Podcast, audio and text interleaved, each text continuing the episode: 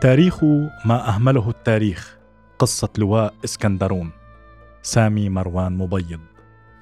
يرد في تقرير الأرشيف الوطني البريطاني رقم 20845 المسجل بتاريخ الواحد والثلاثين من كانون الأول عام 1937 أن عشاء تم في العاصمة التركية أنقرة. جمع بين رئيس وزراء سوريا جميل مردم بيك والرئيس التركي كمال أتاتورك. كان مردم بيك عائدا من فرنسا يومها وفي قلبه الكثير من الخوف على مصير منطقة لواء إسكندرون التي كانت تركيا تنوي احتلالها. وكانت المنطقة واقعة في زاوية التي يشكلها الشاطئ الشرقي من البحر الأبيض المتوسط والحدود السورية التركية وفيها مدينة أنطاكيا التاريخية أكبر وأعرق مدن الصنجق فاتح أتاتورك مردم بيك بالموضوع. وأصر أتاتورك أنه لا يريد ضم اللواء بل فقط إعطاء بعض الحقوق السياسية لسكانه الأتراك. اختلف مردم بيك مع الرئيس التركي في تحديد عدد سكان اللواء. أتاتورك قال إن فيه 300 ألف نسمة وأن ما يقارب 240 ألفا منهم كانوا من الأتراك. عارضه مردم بيك بشدة قائلا إن عدد سكان اللواء كان لا يتعدى 220 ألفا. مضيفا أن نسبة الأتراك فيه لا تتجاوز التسعة وثلاثين بالمئة. وبحسب سجلات الحكومة السورية يومها فإن 48% من سكان اللواء كانوا عربا 10% سنة و28% علويين و8% مسيحيين إضافة إلى حوالي 4% من الكرد واليهود و11% من الأرمن. في سنوات لاحقة وجهت اتهامات شتى لجميل مردم بيك بأنه باع اللواء إلى أتاتورك وفضل تمرير معاهدة مع الفرنسيين مقابل تخليه عن اللواء.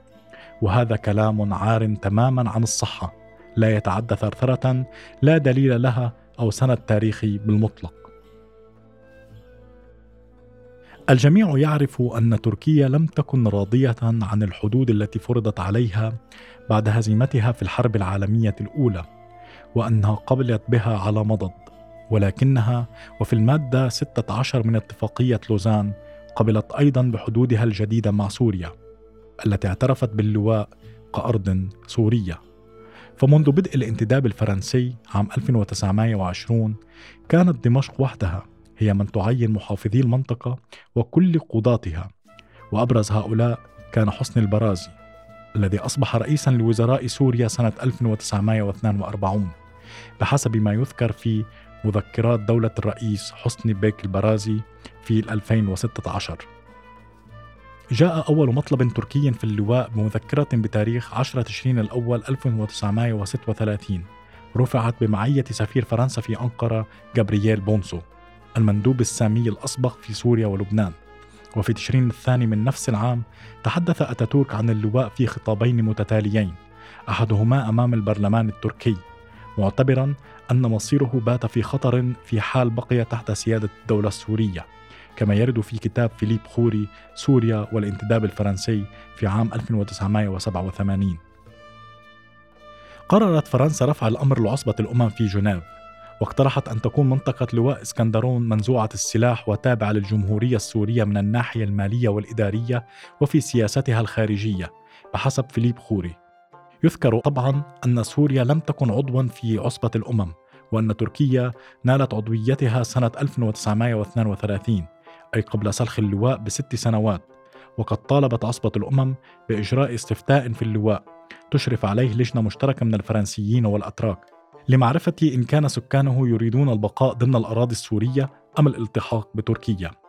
لم تعترض الحكومة السورية وقبلت بفكرة الاستفتاء، ظنا منها أن سكان اللواء العرب كانوا كفيلين بقلب الموازين ضد تركيا، وكذلك الأرمن الرافضين لأي هيمنة تركية على منطقتهم. ولكن الحكومة التركية مارست ضغوطا هائلة يومها، فقامت مثلا بنقل ثلاثة آلاف مواطن تركي من تركيا إلى اللواء للتصويت لصالح الضم مستندة إلى أنهم كانوا من مواليد اللواء. وقد سهلت سفر هؤلاء ودفعت لكل واحد منهم 25 ليرة تركية بحسب التقارير البريطانية.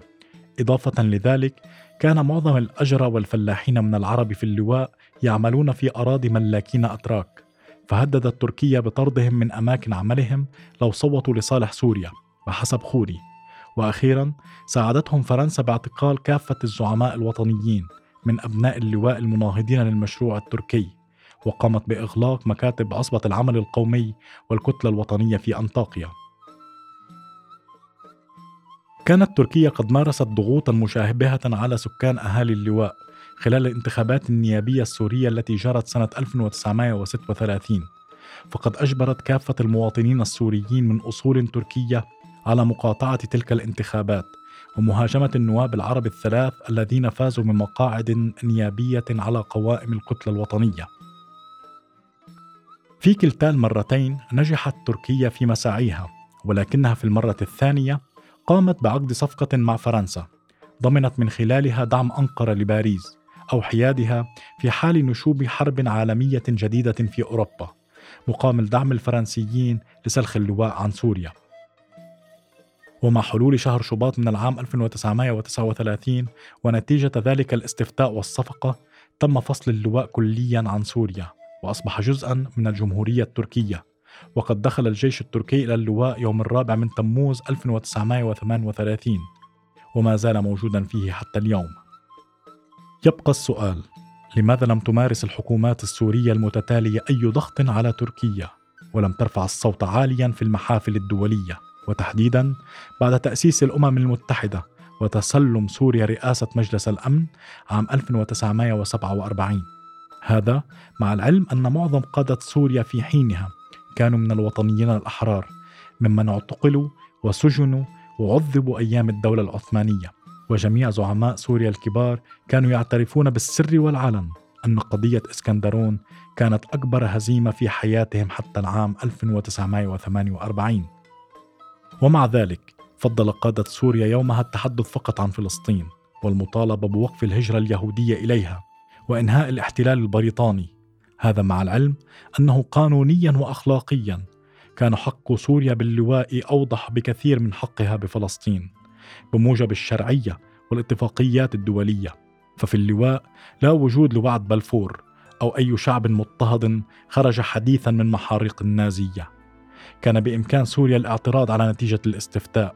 تماما كما فعلت مع قرار تقسيم فلسطين بعد سنوات قليلة أو دعم مقاومة شعبية ضد الأتراك كما فعلت بدعمها لمنظمة التحرير الفلسطينية في الستينات. ولكن اللواء سقط من التداول الرسمي يوم سلخه عن الوطن ولم يتكلم عنه أحد من العرب لا يوم تأسيس الأمم المتحدة ولا عند إنشاء جامعة الدول العربية. لم يحظى بربع الاهتمام الذي حظيت به فلسطين شعبيا وسياسيا واعلاميا. فلا أغنيات أطلقت من أجله ولا مؤتمرات أو حتى شارع أو ميدان لا في دمشق ولا غيرها من المدن العربية. لماذا غنت فيروز للقدس وليس لأنطاكيا؟ لماذا طلبت أم كلثوم ببندقيه لأجل فلسطين ولم تطالب بمثلها للإسكندرون؟ لا نملك جوابا عن هذه الأسئلة طبعا ونتركها للتاريخ.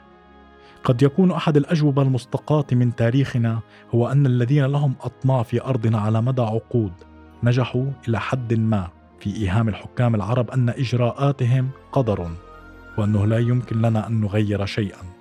الأمر الذي اثبط الهمم وأجهض احتمال المبادرة قبل أن تولد. ولا شك أن هذا الموقف سبب لنا الكثير من الخسائر التي ربما كان يمكن تلافيها لو تم اتخاذ مواقف أكثر شجاعة. وجرأة.